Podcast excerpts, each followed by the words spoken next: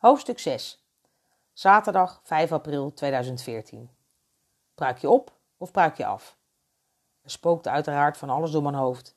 Zaken waar ik me voor de diagnose nooit druk om gemaakt zou hebben. Vandaag wil ik een van deze zaken bij de horens pakken en bespreken wat de voor's en tegens zijn. Hopelijk wordt de keuze dan makkelijker. Of juist niet. Dat weet je dus nooit, hè? De kwestie. Doe ik straks een pruik op of niet? Ik weet nu al dat ik chemo krijg en dus mijn haar ga verliezen. Natuurlijk zijn er successtories waarbij mensen hun haar niet zijn kwijtgeraakt of ze hebben tijdens de chemokuur een ijskapje opgezet.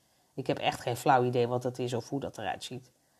Tijdens het laatste gesprek met de arts heb ik toch nog eens gevraagd of ik ook mijn haar zou gaan verliezen. En het antwoord luidde: hou daar maar rekening mee.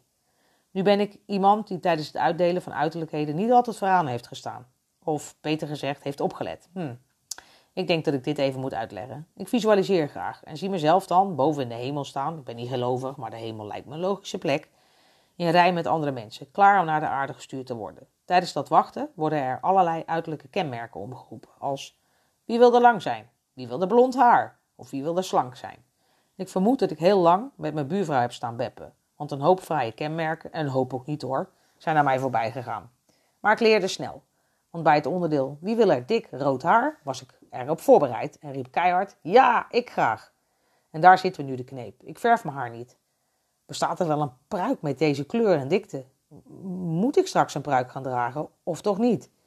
Ik beschik zelf namelijk over een scherp afgestelde pruiken- en toepettenradar. Echt waar. Ik spot die mensen altijd en overal. En daar ben ik bang voor. Dat je ook bij mij heel duidelijk zou kunnen zien dat ik een pruik draag. Hoe kom ik dan aan mijn toepettenradar?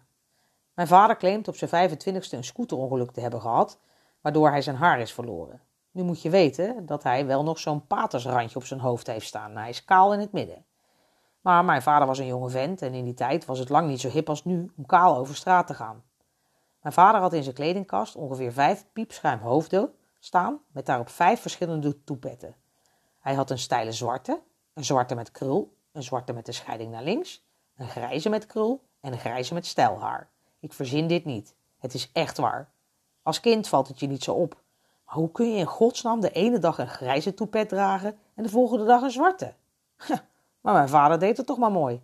In die tijd, we praten over de jaren 70, was de techniek nog niet zo ver vooruit. En de toepetten werden bevestigd met een soort van duct tape. Zo tegen het einde van de dag gaat dat jeuken. Mijn vader krabde wat af.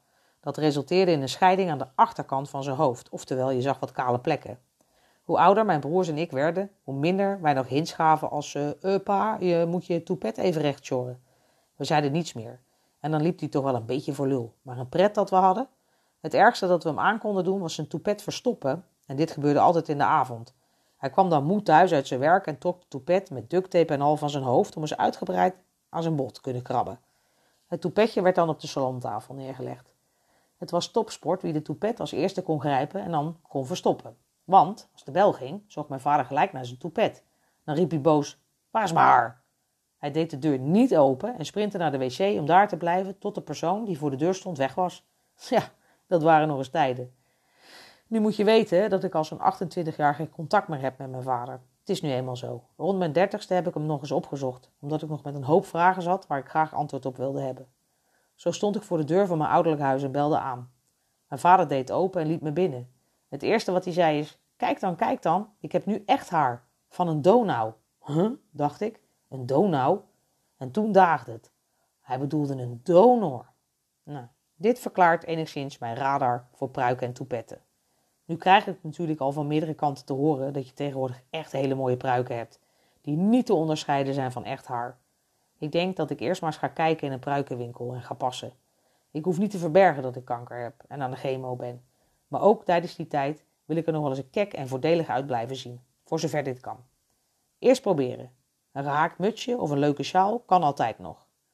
Beter één toepet op je knar dan tien in je kast.